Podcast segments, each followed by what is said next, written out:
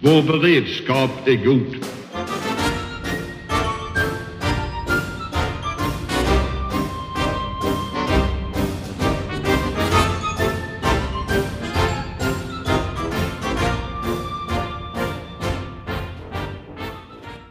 Hej och välkomna till Höjd beredskap, en podd från Aftonbladet Ledare.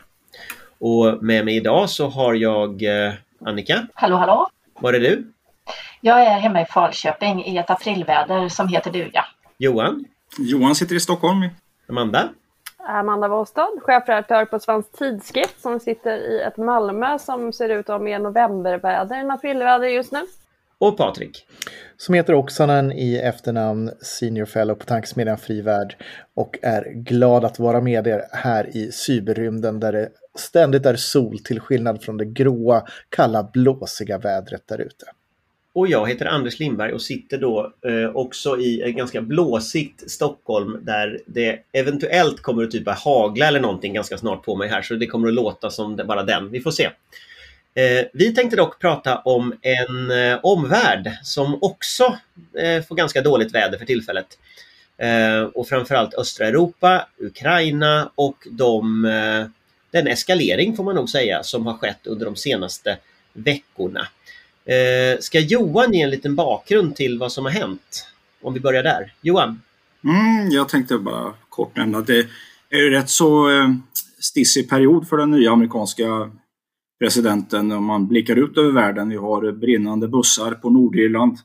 Vi har ett fartyg som har suttit fast i Suez. Vi har eh, kollapsade samtal mellan Etiopien och Egypten om en damm som ställer till problem. Vi har ett iranskt eh, fartyg som tillhör eh, revisionsgardet som har eh, exploderat, troligen till följd av en mina nere i Röda havet. Vi har amerikanska och kinesiska örlogsfartyg som skuggar varandra kring Taiwan.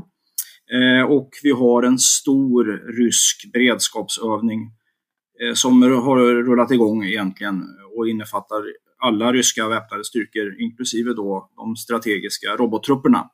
Och fransmännen har då å sin sida kört sin kvartalsvisa kärnvapenövning med dess flygvapen. Så, att, så ser läget ut i stort. Eh, om man då trattar ner det här lite grann till Ukrainas och det som händer på ett avstånd som motsvarar ungefär Malmö till Umeå så eh, eh, har då den här ryska övningen dragit igång och vi ser det kommer lite olika rapporter om att det är mellan eh, uppåt en 30 stycken bataljonstridsgrupper. Det är ganska mycket. Det är inte många europeiska arméer som kan sätta det på fötter.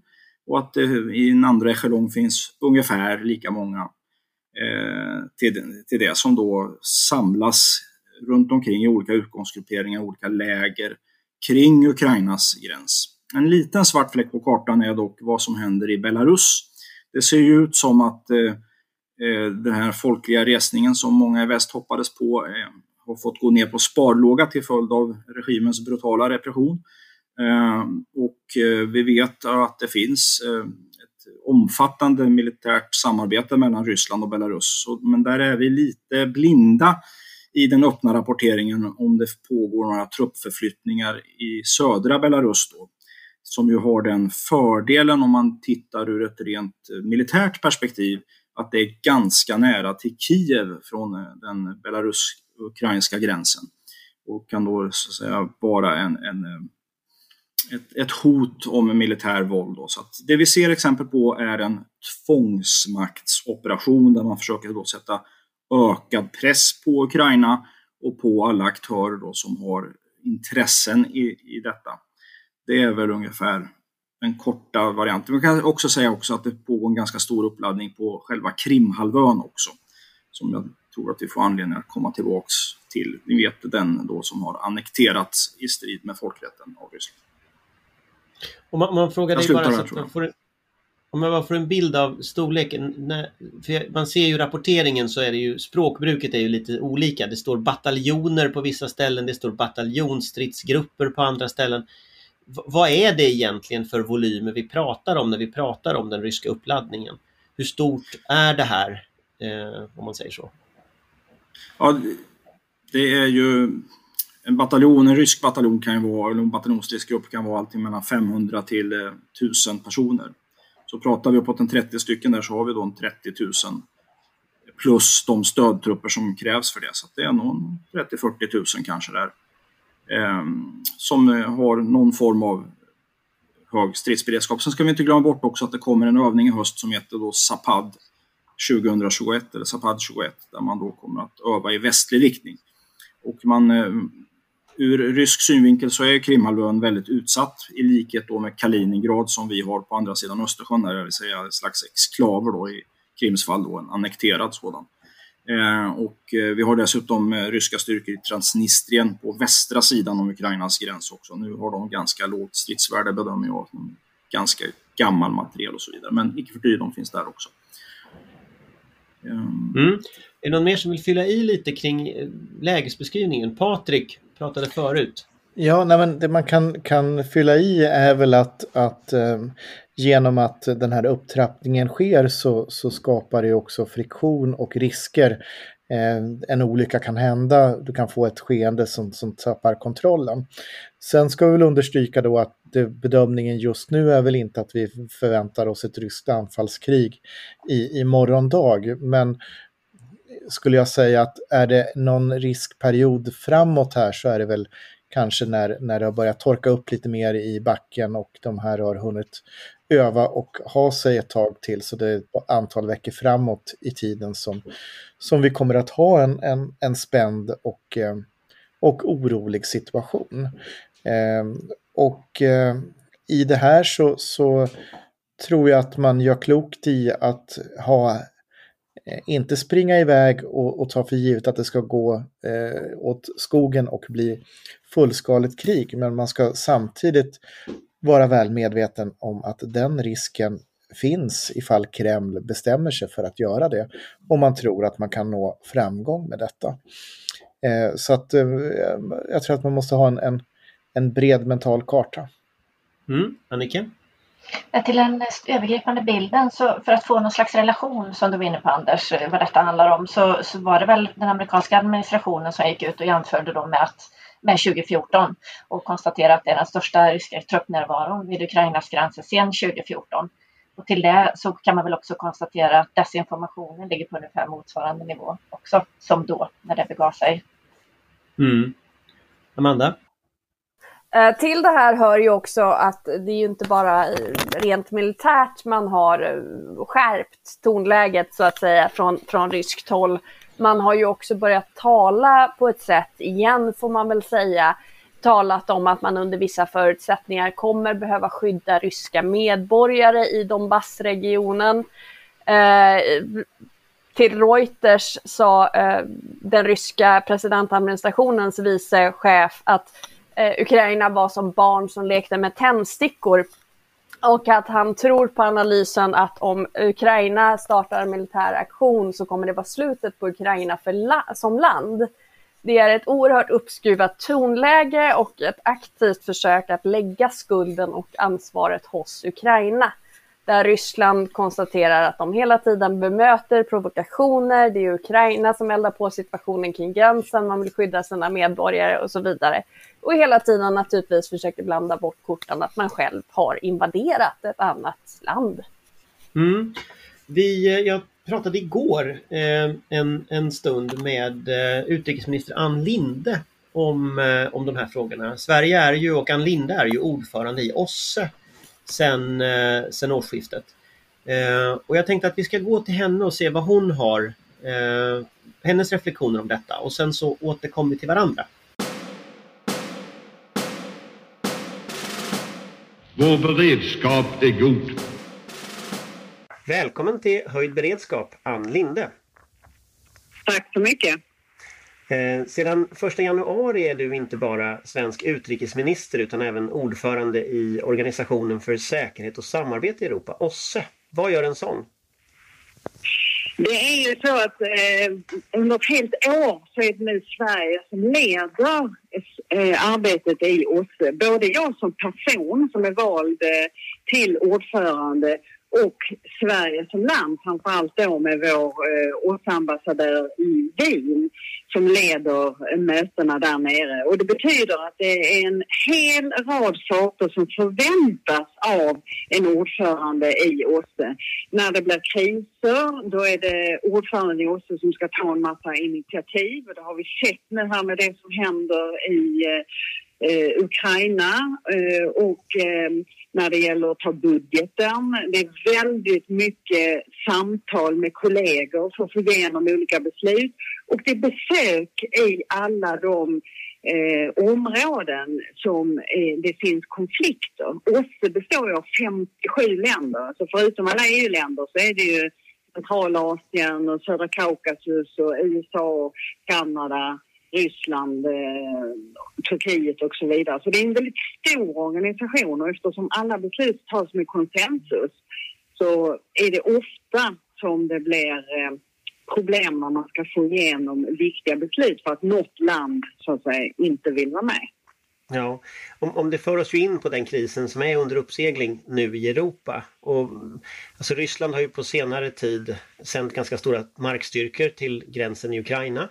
OSSE rapporterade så sent som i helgen om en stor ökning av brott mot vapenvilan i Donbass i östra Ukraina. Eh, FOI kallar läget allvarligt. Vad, vad gör du för analys av situationen? Ja, det, är ju, det första är ju att skaffa sig en bild av vad är det som faktiskt eh, händer. Och då kan vi ju liksom konstatera att det finns en ökad rysk aktivitet, eh, militär aktivitet på gränserna i Ukraina. Eh, och det finns flera brott mot överenskommelsen om eldupphör som man hade för juli i somras. Samtidigt så ser vi ju att det här eldupphöret har gjort att det är mycket, mycket färre döda och skadade än innan eldupphöret och även om det har varit en uppgång nu så är det på en mycket lägre nivå. Eh, och som ordförande i OSSE så måste vi då följa den här situationen väldigt noga. Jag har själv eh, talat med Ukrainas utrikesminister och jag har i närtid planerat ett eh, samtal med Rysslands eh, utrikesminister.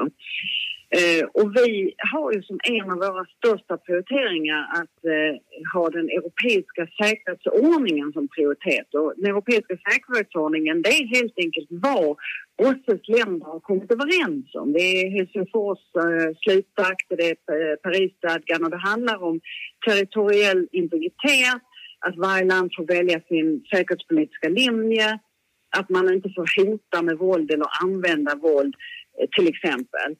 Eh, och det här är ju naturligtvis någonting som då emellanåt ifrågasätts så då måste man hela tiden påminna om att det finns gemensamma beslut om detta.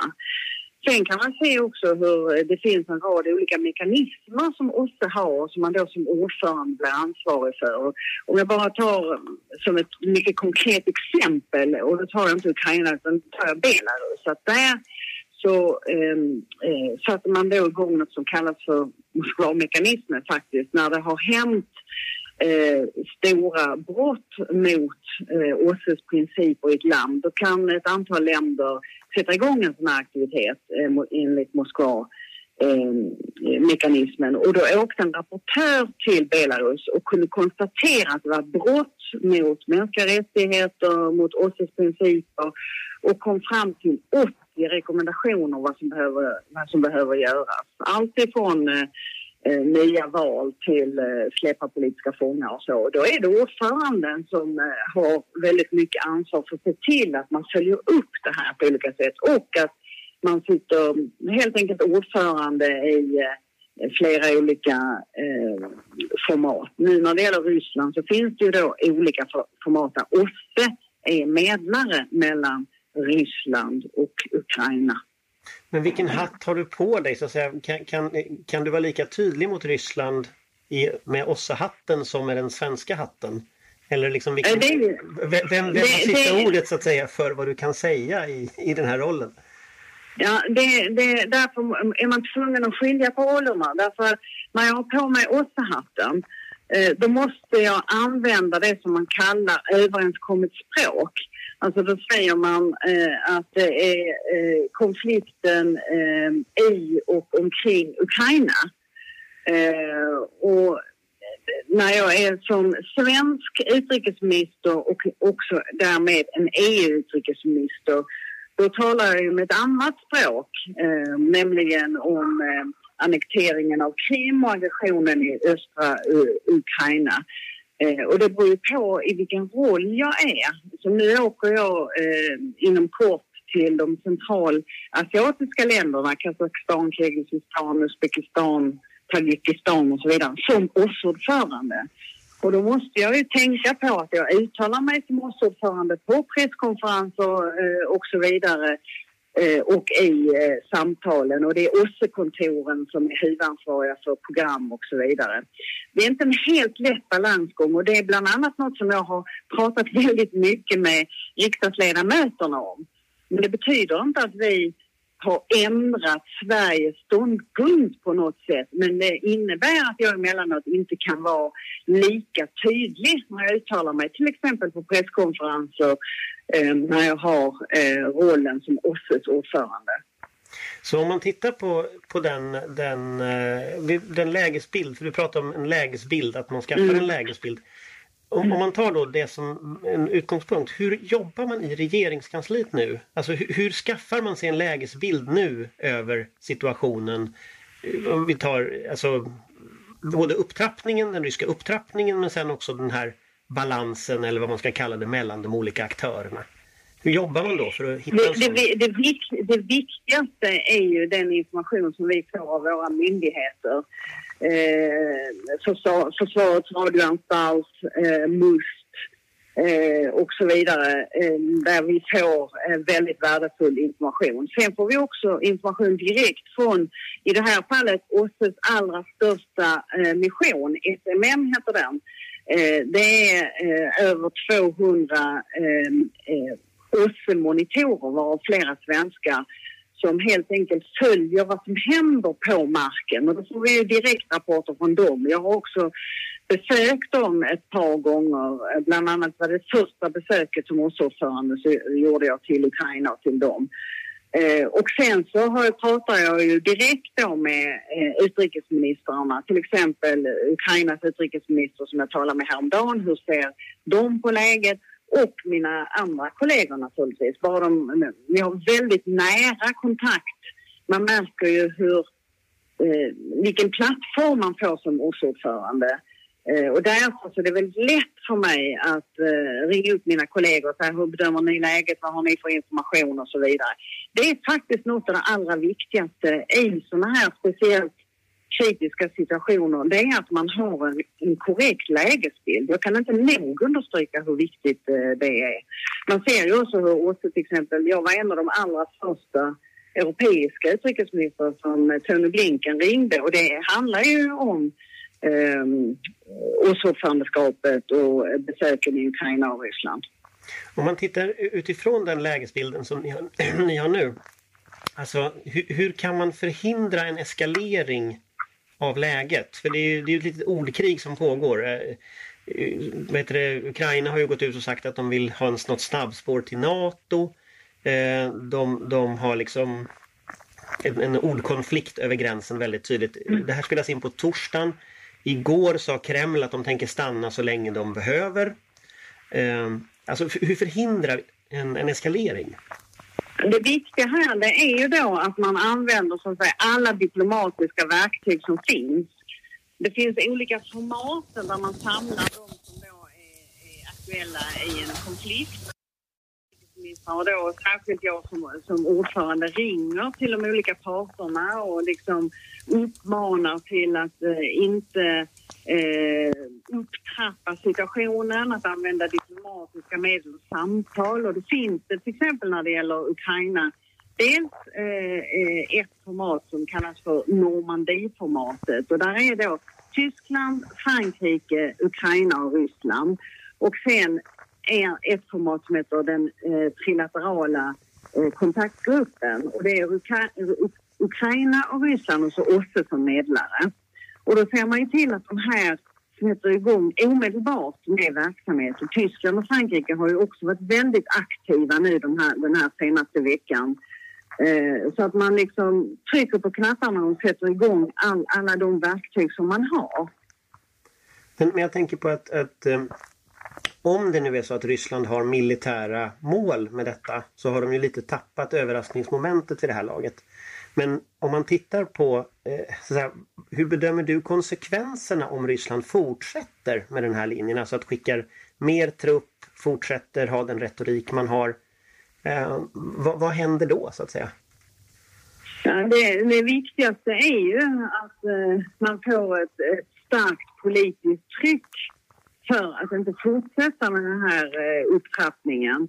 Och här har vi ju då olika eh, förtroendeskapande eh, instrument också i, i OSSE som man, kan, som man kan använda. Det finns något som heter Wiendokumentet som man kan använda. Vi har ju den här Open Sky Treaty som handlar om att man eh, kan göra kontroller eh, via flyg genom att ta liksom, bilder på vad som faktiskt händer Eh, och då är det ju helt enkelt så att man, man vill förmå Ryssland till att inte trappa upp situationen och man vill förmå Ukraina till att inte eh, så att säga göra situationen mer eh, brännbar om man säger om man använder det uttrycket. Alltså att försöka deeskalera hela tiden. Det, det är det man ska göra och sen ska man ju naturligtvis inte spekulera genom att säga om ni nu eh, gör ännu mer då händer det och det. det. Det är sånt som man kan göra internt på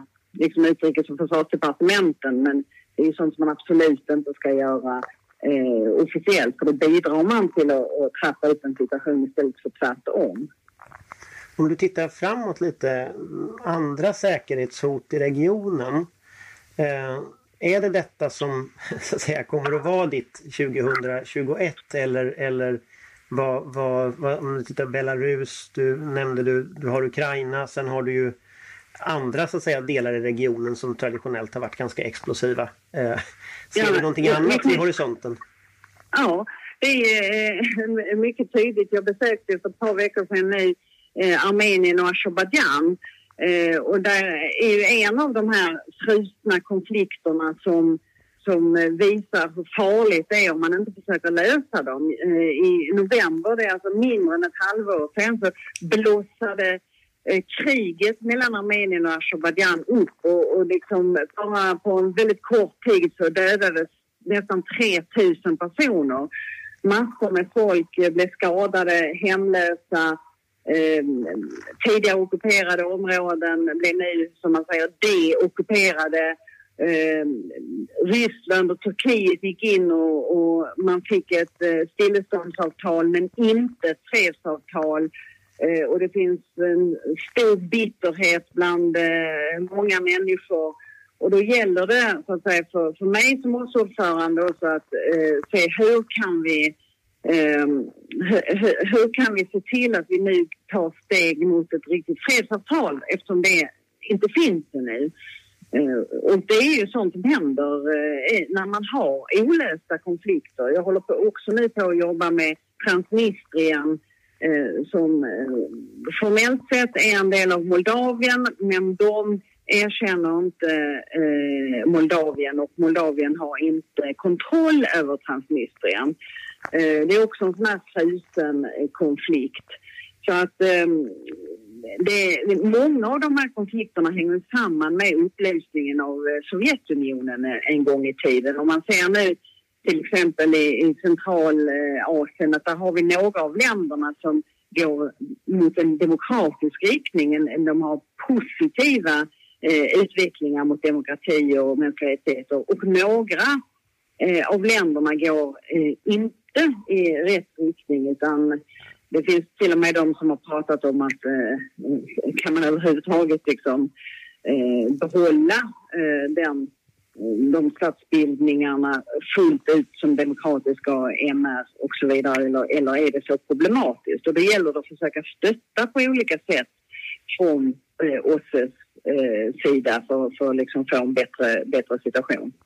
Om, om, man tittar på, om man sätter in det här du sa nu på en karta, då ser det nästan ut som att liksom längs Europas, ja hela Europas sydöstra gräns i någon mening så pågår det frusna konflikter och, och i alla fall risk för att också varma konflikter kan bryta ut.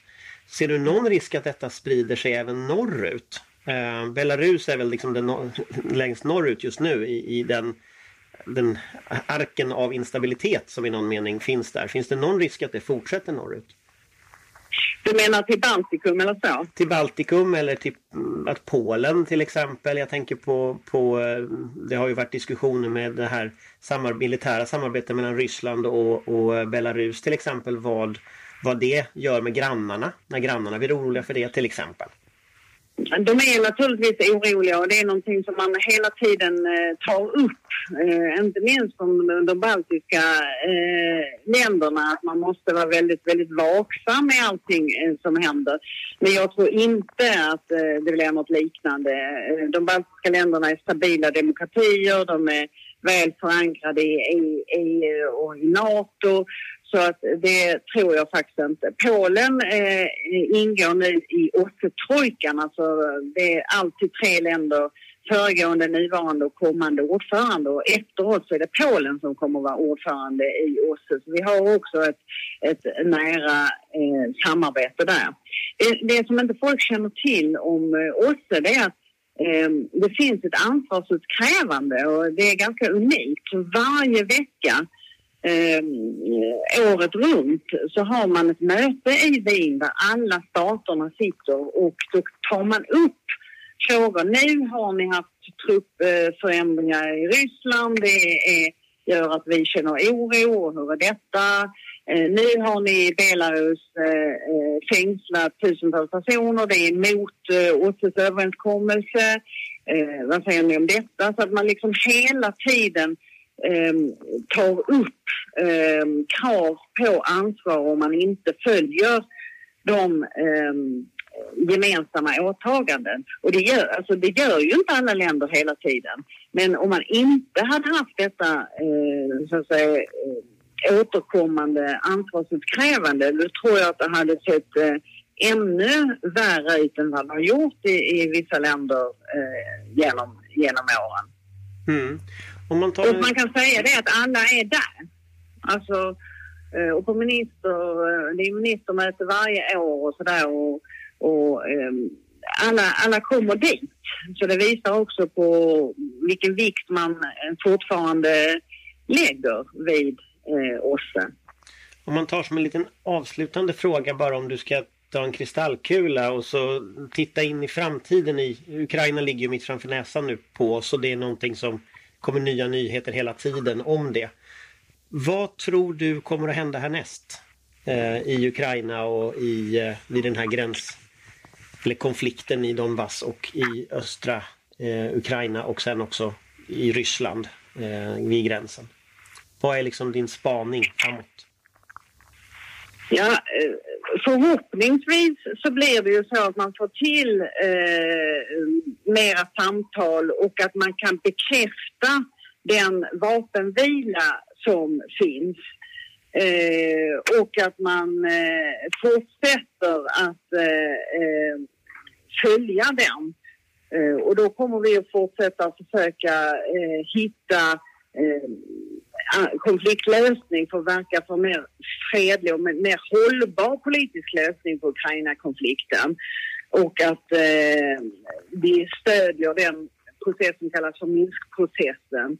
Så att eh, min särskilda representant i Ukraina som är eh, ambassadör Heidi Graun från Schweiz eh, kan eh, fortsätta med de direkta förhandlingarna i den här trilaterala kontaktgruppen och att vi inte får liksom ett, ett läge där man inte pratar med varandra, där man lämnar Normandieformatet, där man lämnar eh, trilaterala kontaktgruppen eh, utan tvärtom att man får eh, fortsätta samtal där. Det, det, är naturligtvis inte lätt, men det är enda sättet. Jag såg till exempel på hur vi lyckades lösa nu en politisk kris som var under uppsegling där det faktiskt riskerar att hela den stora OSSE-missionen ehm, eh, i Ukraina skulle inte få fortsätta med mandatet därför att ett annat land la in veto för man var, man var arg på andra frågor.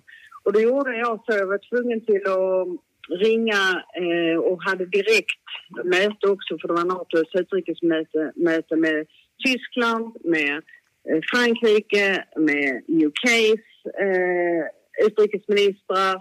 Eh, vi ringde USA och sa ni måste hjälpa till.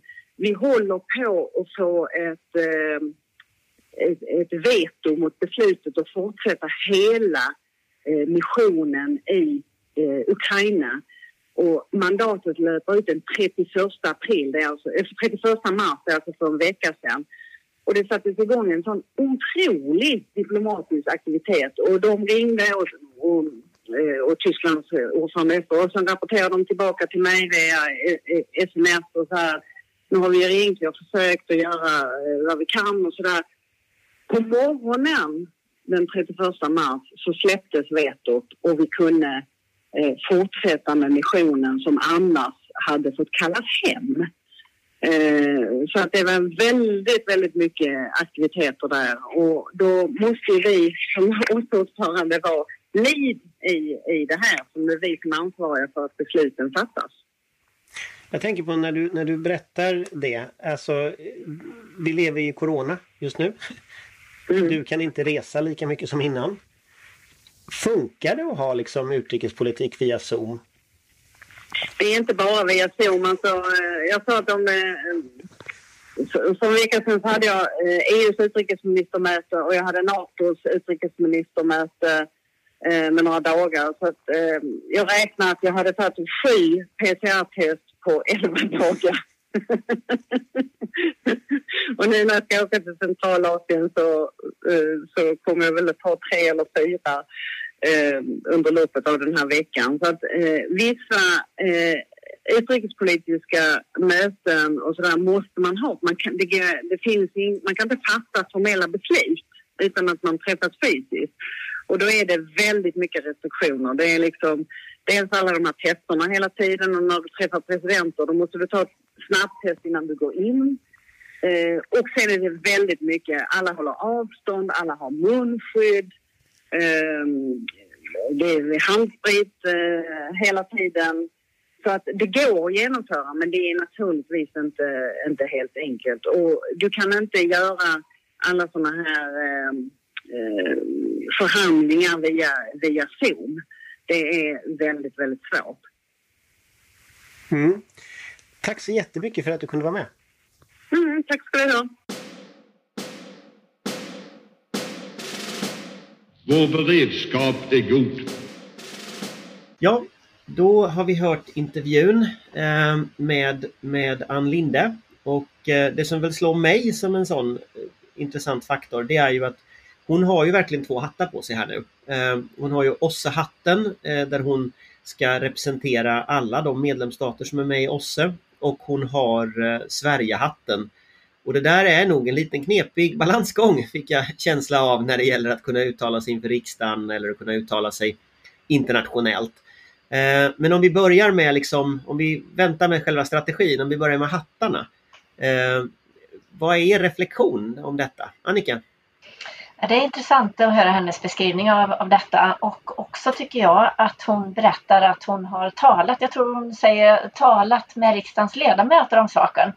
Eh, och jag jo. tror att det är, det, det är liksom ett preemptive strike här för att inte få kritik för att hon just uttrycker sig enligt det överenskomna språket som, som hon berättar om när det gäller OSSE-hatten eh, istället för att prata om, om eh, eh, annekteringen av Krim och aggressionen i östra Ukraina som är talspråket eh, när hon är svensk utrikesminister. Det där är en intressant interiör som man kanske inte alltid har koll på utanför just de relationerna. Amanda? Nej men det jag reagerar på är ju just det här newspeaket i en mening. Och, och, hon har en jättesvår situation. Det är inte tu tal om saken, det pratar hon om själv och det, det kan man ju lätt inse också när hon för det blir svårt att skilja på hennes roll som Sveriges utrikesminister, Sverige som ändå har talat ganska tydligt i de här frågorna och oss som ju är en övervakande part och en väldigt aktiv part på plats i Ukraina men samtidigt har en väldigt fin liksom, diplomatisk linje att röra sig längst. Men det blir ju problematiskt när man pratar om förhandlingar, att inte elda på läget, att minska spänningarna, till och med det här med europeiska säkerhetsordningen där hon ju uttryckligen säger att detta är baserat på att respektera staters suveränitet, att inte använda våld eh, och hur viktigt detta är att det inte ifrågasätts. Samtidigt som vi de facto diskuterar en militär markinvasion av just ett suveränt land, av ett annat land. Eh, vi låser ju Ukraina och Ukrainas roll på ett egentligen fullständigt absurt sätt. Eh, när vi lägger ansvar på dem att inte eskalera situationen, det vill säga bakbinder deras möjlighet att försvara sitt territorium. Och gör å andra hand Ryssland till en någon slags seriös aktör i den europeiska säkerhetspolitiska ordningen. När vi blundar för, eller åtminstone inte tydligt pekar ut att det de har gjort är ett enormt brott mot densamma. Men, men ligger det inte någonting i det hon säger att, att det här är just olika, jag tror hon formulerar det som att det, det här med rysk eskalering och så, det är någonting man kan diskutera internt i liksom UD och, och myndigheter och så, men att i det överenskomna språket så är det ändå, eh, man får på något sätt spela efter de regler som gäller. Eh, jag har ju själv arbetat som politisk sakkunnig en gång för mycket länge sedan eh, dock för, på, på utrikesdepartementet. Och en sån där sak som man får verkligen itutat i sig när man är och som sitter i väggarna där. Det är just det här att, att det Sveriges utrikesminister säger det följer inte vad man tycker eller vad man känner i stunden utan det binder Sverige. Och på samma sätt är det ju på en europeisk nivå eller i, i, eh, i OSSE-nivån att, att det som Ann Linde säger som OSSEs ordförande, det, det, ska ju ha, det har ju den kraften det har eftersom det är överenskommet. Eh, om, om de här utrikesministrarna skulle börja säga vad de känner för, då skulle ju OSSE inte ha den kraften. Nej, det är helt egent, e, egentligen har hon ju tre hattar. Hon har ju en hatt som är utrikesministerhatten. Hon har en hatt som är OSSE-hatten. Men sen har hon ju också, det påpekar hon ju, en hatt som är EU-hatten. För EU har ju också en tydlig linje här. Eh, som ju är naturligtvis, eh, eller tydlig var kanske en överdrift, förlåt. Men EU har en linje i alla fall som ändå är, är, är som folkrättsligt förankrad och så vidare så det är en intressant fråga. Nu tar jag helt fräckt replik på detta eh, innan någon annan hinner in. Eh, nej men det är ju naturligtvis helt sant. Eh, och hon måste ju hålla sig till, Sverige kan inte frifräsa när vi har den här rollen och Ann Linde har ju själv uttryckt sig skarpare tidigare, bland annat på hennes eh, första anförande på Riks, eh, Folk och Försvars rikskonferens i Sälen. Men det blir ju ett problem i sig när man är så bakbunden både diplomatiskt och uttrycksmässigt att någonstans måste vi börja diskutera möjligheten även inom OSSE, även inom EU, att kalla en spade en spade. Därför att vi, vi flyttar ju hela tiden gränserna. Jag råkade vara i Ukraina när eh, den här omröstningen kom om att släppa tillbaks eh, Ryssland i eh, Europeiska rådet, heter det bara. Eh, och det var ju en... en eh, Europarådet. Europarådet, förlåt. Eh, det var ju en, eh, då var vi på en rundresa eh, i, på den, liksom den ukrainska sidan av stilleståndslinjen och alla visste ju precis när det här hade hänt och kände sig svikna och övergivna av Europa. Att så få tog ställning, de visste ju precis vem som hade röstat för och emot och att så få tog ställningen då när de stod där och försökte försvara sitt eget lands gränser mot en militär angripare. Medan Ryssland naturligtvis å sin sida ser det som en enorm seger att ingen ställer dem till svars. Alltså ord, diplomati spelar ju roll även som någon slags markering. Och det blir lite farligt när, vi, när det går så fort att eh, göra dem till en jämbördig part i de här grupperingarna igen efter ett sånt oerhört angrepp och övergrepp gentemot ett annat land. Patrik, du brukar alltid kalla spadar för spadar. Vad säger du? Ja, och ibland är det en hacka. Eh, nej, men, men det som jag tycker det, som Ann Linde får problem med i, i det här läget, det är ju just hattarna. Där, där eh, det blir inte riktigt tydligt. Är det Sveriges utrikesminister vi hör med Sveriges utrikespolitiska linje? Är det ordföranden i OSSE vi hör? Eller är det utrikesministern som är en del av, av EU? Eh, och där i blir det Eh, skulle jag säga att, att OSSE-hatten eh, dämpar ljudet från, från Ann Linde som svensk utrikesminister. Det är som en hatt som, som går ner över munnen på, på henne. Eh, jag tror att både Sverige och situationen skulle må bättre av ett tydligare lyftande av den här hatten. Att nu uttalar jag mig som svensk utrikesminister. Nu sätter jag på OSSE-hatten igen och, och pratar ossiska. Och ossiska, där är inte en spade en spade. Men som svensk utrikesminister så är en spade en spade. Eh, jag tror att det skulle liksom vara bättre kommunikativt. För nu, nu, nu vallas vi in i, i, i, i något eh, newspeak-land som, som Amanda är inne på här. Eh, men jag erkänner också att naturligtvis är inte det här en lätt situation eh, för utrikesministern. Men jag tror att en del i det här problemet också ligger i att eh, min bild är att Sverige kanske inte riktigt har förberett sig på samma sätt för OSSE-ordförandeskapet som man gjorde när man satt i FNs säkerhetsråd. Och att man inte riktigt har identifierat vad tror man sig kunna uppnå och vad vill man uppnå.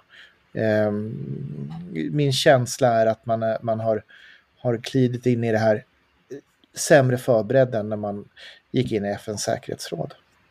Jag tänkte en annan fråga som, som eh, vi pratade om eh, och som, som jag tycker är intressant här. Det är ju hur skapar sig utrikesministern och hur skapar sig utrikesdepartementet en lägesbild?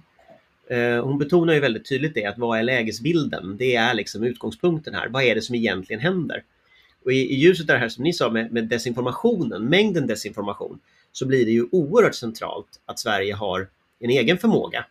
Och det tänkte jag på ett språkbruk som jag inte riktigt tror att jag har hört regeringen riktigt så tydligt säga. För det Ann Linde svarade på min fråga när jag frågade om lägesbilden, det var att hon direkt sa FRA och MUST. Johan, har vi hört en minister på så sätt tydligt peka på underrättelsetjänsten som källan när man gör analyser för? Ja, kanske inte riktigt så tydligt. Jag har för mig, men det, är bara vad jag har för en vag sån här känsla av att Carl Bildt hade uppe något liknande just kring Ukraina 2014 där han hänvisade till att ryska artilleriförband minsann sköt in i Ukraina och så vidare och att han hade fått det från egna myndigheter. Men det var ju väldigt explicit, absolut.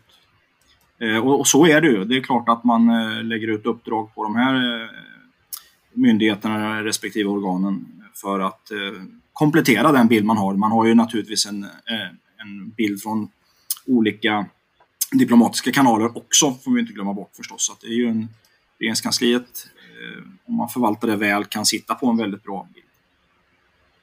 Nej men det, absolut, och det är alla källor. Hon pekar ju på alla olika källor. Men jag tänker att när top of mind är det och jag får en reflektion till eh, de här eh, eh vapeninspektörerna som de svenska Hans Blix och, och vapeninspektörerna som skulle inspektera Saddam Husseins eh, icke-existerande kärnvapen. Där, där ju eh, generaldirektören Åkesson, när han avgick, berättade han ju att en sån sak de hade tagit fram från FRA, det var kunskapen till Hans Blix om att, eller till regeringen i alla fall, om att Irak inte hade några kärnvapen. För det visste FRA. Mm. Det är ju en... Och det var ju naturligtvis något FRA... Nej, men det, det, men det är, är någonting, som FRA naturligtvis satte i halsen över, för de vill väl inte att de ska gå ut med det. Men det, det, är intressant att svensk förmåga ändå ligger på den nivån att man kunde mm, mm. informera regeringen om det och regeringen kunde utforma sin politik mot Irak, visar det. Mm. Det är ju som du säger väldigt effektiva effektiva kapaciteter som Sverige sitter på Det brukar ofta beskrivas. Eh, jag tror jag haft uppe något, till och med varit ett rättsfall i Frankrike kring detta där man på en föreläsning har sagt att FRA liksom är, det finns inget, inget organ i Europa som presterar över sin storleksnivå som de gör. Och vi ser ju också svenska flygningar i Medelhavet Eh, ganska regelbundet nu för tiden också, får vi inte glömma bort. Så att det finns en svensk kapacitet och det är otroligt viktigt att Sverige har en egen bild av eh, vad det är som händer, för det pågår ju naturligtvis en mängd intressen som kolliderar med varandra. En annan sak som är intressant, som bara, det blir nu en liten parentes i sammanhanget, men mycket talar ju för att det här med Saddams kärnvapeninnehav egentligen var en egen informationsoperation som slog fel. Det vill säga att man ville då lägga en bild av detta visavi Iran. Och sen så tolkades det på ett helt annat sätt av omvärlden. Så det fanns alltså spår, det fanns alltså information som tydde på det här och som var liksom upplagt för att man skulle kunna dra sådana slutsatser. Men det var, riktningen var då från Iran, eller mot Iran rättare sagt. Och så plockades det upp och sen falsifi falsifierade vissa det då, i vårt fall då kanske, medan andra gick då och politiserade underrättelsetjänsten som i Storbritannien, vilket finns en enormt omfattande utredning kring. Där då underrättelsetjänsten blev ett organ för politiken kan man säga, vilket är ju jättefarligt. Och sen kom då invasionen och så vidare. Så det där är otroligt intressant eh, och väl värt att ha med sig. Världens mest misslyckade psykologiska operation kan man säga. Ja, men det visar ju också på, på att det går i olika riktningar. Annika? Ja, jag tycker att utrikesministern eh, idkar lite utbildningsverksamhet eh, här när det gäller just det arbete som sker bakom de här vi kan tycka att de är eh, för lama eller tillräckligt starka eller så. Men liksom det man signalerar om vad man, vad man vet om läget. Därför att här är det ju en enorm aktivitet nu eh, hos de som levererar in till den här eh, lägesbilden som regeringen har. Och inte minst när vi då har som land ordförandeskapet i OSSE. Där måste då Sverige ha liksom en egen bedömning och en egen förmåga som ni var inne på tidigare. Så, så det är väl väldigt bra att man eh, är så tydlig med var den kommer ifrån, den kapaciteten som en del i det svenska ställningstagandet och, och så. Och ytterst då också vad, vad vi kan mejsla ut och vad utrikesministern kan mejsla ut som ordförande. Så det tycker jag var jättebra. Sen tycker jag, jag Amanda är inne på något jätteviktigt eh, här och det är möjligt Anders att jag pajar ditt upplägg, men jag vill bara haka tag i den här kroken om eh, skuldfördelningen och det här liksom, till synes ömsesidiga ansvaret och så som vi lätt hamnar i eh, på olika sätt när vi beskriver Ukraina och Ryssland. Här är det ju så enkelt egentligen som att det finns en angripare och det finns en som försvarar sig. Eh, sen betyder inte det att man som land, när man ska försvara sig eller har fått en delannekterat eh, så som Ukraina har. Man kan vara smart och det behöver man till och med vara. Men man får liksom inte glömma den här grunden. För då seglar man snabbt iväg i, i felaktig riktning. Särskilt när vi ska betänka att vi också är ett, ett ganska litet land i en, ett hörn av, av världen som har stor anledning att verkligen försöka hålla på de principer som man har kommit överens om. Så att jag vill egentligen bara säga bravo till Amanda där som, som tog upp ett viktigt perspektiv.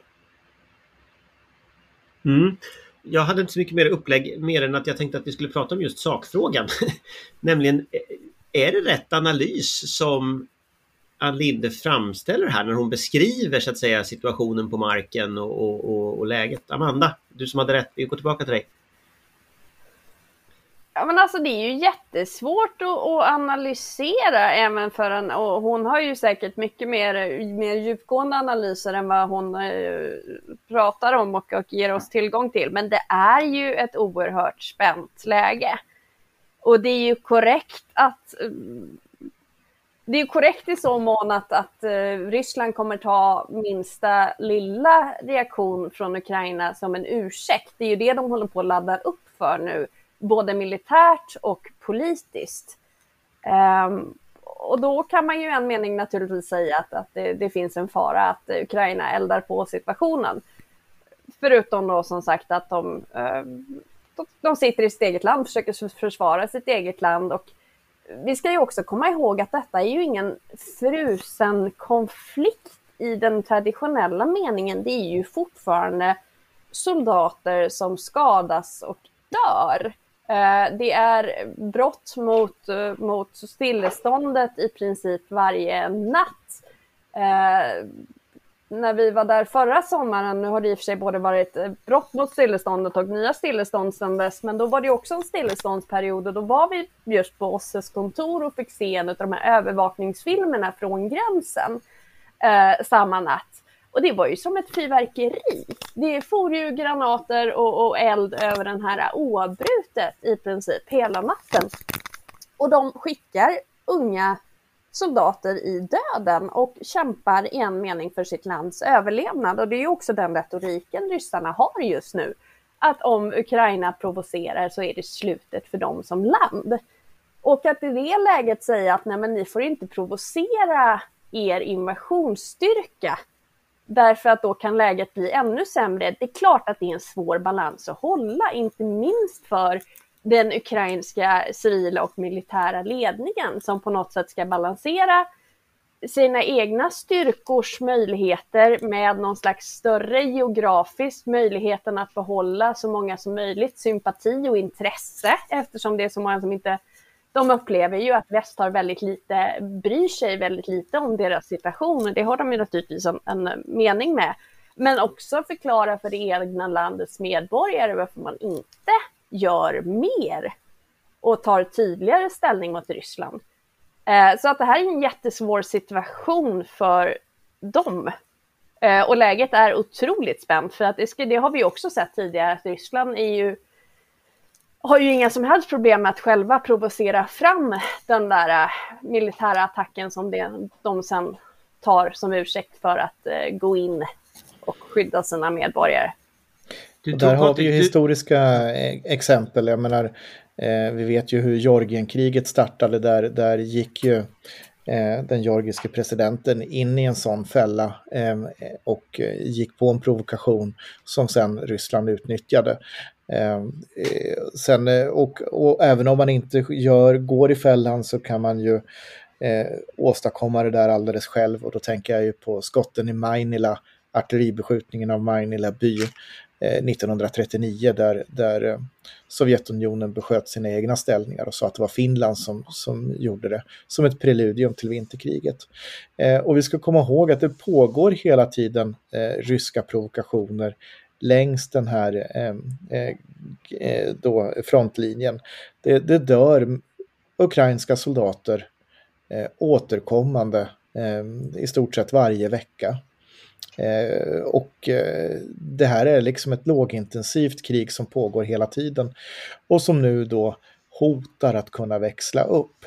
Eh, och återigen, därmed inte sagt att det kommer att växla upp, men, men bara att hotet finns där är en form av psykologisk krigföring mot Ukraina och ett test av, av väst eh, och ett test av den, den nya sheriffen i, i Washington också, eh, sheriff Biden, eh, för att se vad han går för. Eh, och som Johan påpekade alldeles utmärkt i inledningen så är inte det här det enda problemet som finns i, i, i, i vilda västern, eh, utan det finns också stora problem till exempel med hur Kina flexar musklerna då ska vi inte glömma bort att Kina och Ryssland har ju träffat varandra i närtid.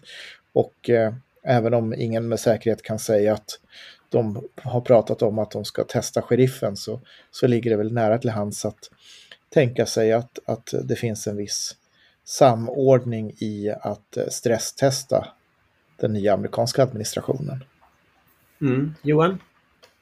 Eh, jag tänkte bara på temat det här med att eh, utrikesministrar eller ministrar uttalar sig med en kapacitet i ryggen så att säga som vi var inne på då med Framust så är det också intressant att titta på vad Storbritannien gör eh, i det här läget och därför att de har en enorm har vi en bra kapacitet så har de en väldigt bra. Jag, tror, jag känner nog inte till någon som har en bättre blick på Ukraina än vad de har.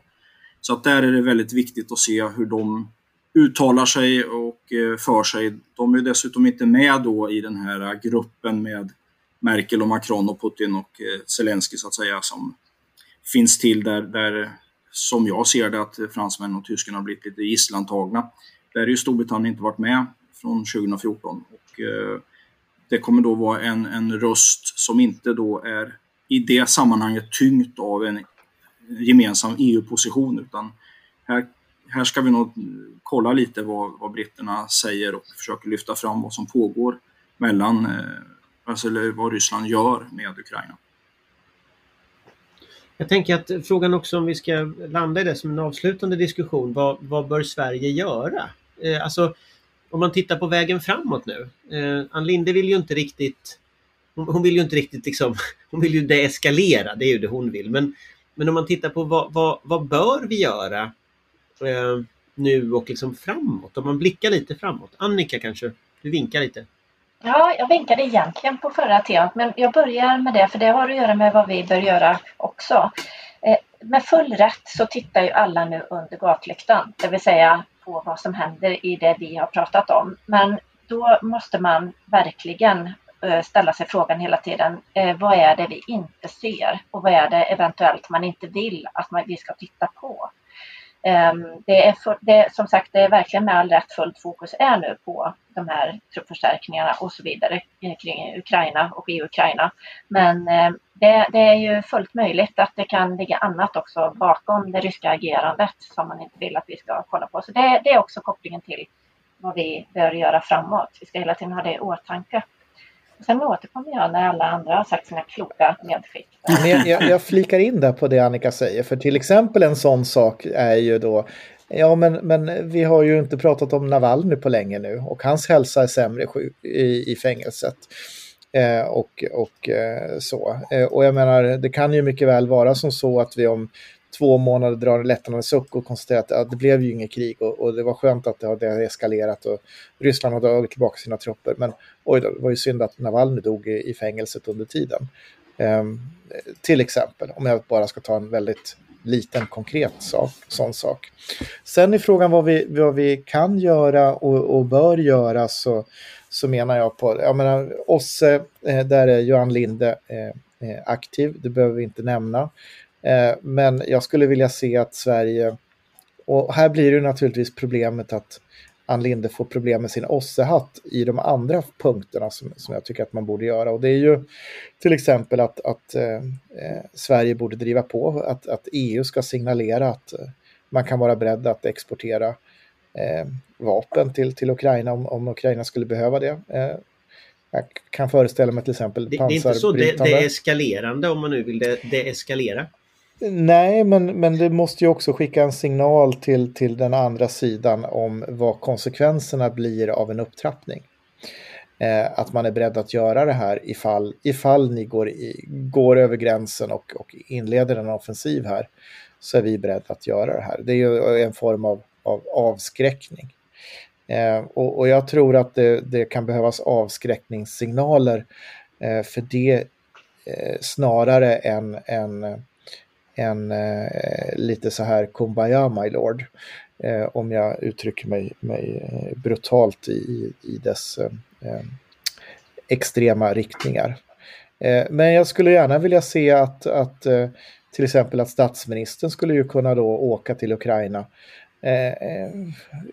i närtid för att, att markera stöd på plats. Och varför inte då tillsammans med, med den eh, finländska regeringschefen Sanna Marin till exempel. Eh, så att där är lite sådana såna aktiviteter vi kan göra. Sen, sen hamnar vi i ett läge, vad gör vi om det blir storkrig? Men det, det kan vi ju vänta med så länge. Mm. Amanda? Nej, jag vill bara understryka, jag tror det är jätteviktigt det Patrik säger, att eh, avskräckning eh, är också en väg till deeskalering. Det ska man inte glömma. Det, det är inte bara liksom appeasement som vi har som verktyg i den här konflikten. Eh, jag tror att Ann Linde, jag är helt övertygad om detta, att Sverige och Ann Linde redan arbetar hårt i OSSE för att driva fram en hårdare linje från organisationen. Och det bör man naturligtvis fortsätta med. Samtidigt så har vi ju fler ministrar i regeringen som Patrik också var inne i på. Eh, statsministern skulle kunna ta ställning. Men man skulle ju också kunna sakdepartementen har ju också möjlighet att ta ställning här. Eh, Ukraina är ju ett oerhört eh, bördigt jordbruksland men med väldigt eftersatt eh, jordbruk. Eh, man skulle kunna ta den typen av kontakter och visa stöd på helt civila arenor för att visa att man ändå finns där för landet. Och som sagt, statsministern och andra ministrar och, och representanter för regeringen kan faktiskt uttala sig tydligare om Ann Linde är rädd för att hennes hattar eh, ska bli förvirrade. Eh, sen så, och även Annika har ju en stor poäng, vi ska ju se vad de gör samtidigt. Men, men även om vi tittar tillbaka om två månader, månader och tycker åh vad skönt, det blev ingenting, det är diskalerat, Eh, så är ju fortfarande en stor del av Ukraina ockuperat. Kriget kommer ju inte vara över för det. Och det är väl också viktigt att ha den långsiktigheten i tanken. Det är inte bara en situation just nu. Det handlar inte bara om att undvika ett fullskaligt krig under just den här fasen i konflikten, utan det handlar om ett europeiskt land som är under ockupation. Eh, och vi måste, de ställningstaganden vi tar, de, eh, det agerande vi, vi ställer oss bakom måste vara långsiktigt och visa stöd för Ukraina även när stridsvagnarna dras tillbaka den här gången. Mm. Johan? Nej, jag tycker att eh, Sverige har haft en bra Ukraina-politik. Det har varit tydligt från regeringen hela tiden eh, vad vi tycker. Det är otroligt viktigt att hålla i och hålla ut i det här med eh, folkrätten. Eh, det är liksom fundamentet i det här. Det är ett klart egenintresse också eftersom vi är en småstat. får vi inte glömma bort. Eh, det man, och det gör man säkert också, men man kanske kan eh, utveckla sin planering lite mer för i det fall det blir en eskalering från rysk sida. Eh, vad gör vi då? Så att man försöker, det är svårt, det är lättare sagt än gjort, men att försöka planera lite längre fram också eh, vad vi gör. Så att man inte bara hamnar i en situation och så måste man börja konsultera och, när det är ett faktum så att säga. Utan då ska man ha ett antal trappsteg precis som ni har varit inne på här. Kanske då export av, eh, av vapen och liknande grejer. Nu kan ju inte vi med vår, alltså det, det blir ju en slags jag är inte expert på exportlagstiftningen så när det gäller eh, försvarsmateriel men jag föreställer mig att det finns begränsningar när ett land är i konflikt att eh, köra nya kontrakt så att säga. Men eh, då är ju sådana vägar som Amanda pekar på väldigt bra. Mm. Ska, vi, ska vi försöka ge sista ordet till Annika? Ja, absolut. Ja, vid sidan, eller ytterligare till vad andra redan har sagt så tror jag att eh, en slutsats ska vara att vi mycket mödosamt och till del med stort besvär ska fortsätta eh, att bygga vårt totalförsvar så att vi kan tala om Ukraina och annat med en, den styrka som, som eller min, en mindre mottaglighet för påtryckningar som det innebär i förlängningen. Så det skulle väl också kunna vara en, en slutsats för oss själva Eh, i det här omvärldsläget som nu under så många år har beskrivits som allt mer osäkert och oförutsägbart. Och här har vi gång på gång på gång tecken och till och med bevis på att det är precis just så som faller i vårt nära närområde. Alltså min, min, personliga reflektion när jag, när jag ser det som händer nu det är att jag tänker att det här är precis det som ligger bakom den typen av händelser som kan eskalera. Och precis det som försvarsberedningen har diskuterat, precis sådana scenarier Krigsvetenskapsakademin har diskuterat i alla år. Eh, och precis vad vi såg med Georgien, vad vi såg med Ukraina förra gången, nu ser vi det med Ukraina igen. Och varje gång så har det blivit oförutsägbart. Det har hänt någonting nytt, någonting som vi inte hade tänkt på. Och det jag funderar på, men som jag, vi får lämna lite lyssnarna med, det är liksom vad är det vi inte har tänkt på denna gång? Eh, för det är ju så att det är ju det ryssarna historiskt har varit ganska skickliga på. Det är ju liksom att plocka in just det här som Annika uttryckte det, det som är utanför gatlyktan. Eh, det är ju där de är och rotar. Eh, och det vet vi väl inte, det har vi inga svar på. Men vi kommer i alla fall att återkomma om det här ämnet. Eh, tack så mycket för idag. Och vi återkommer om två veckor igen. Hej hej! Tack och hej! Hej då! Hej. Vår beredskap är god.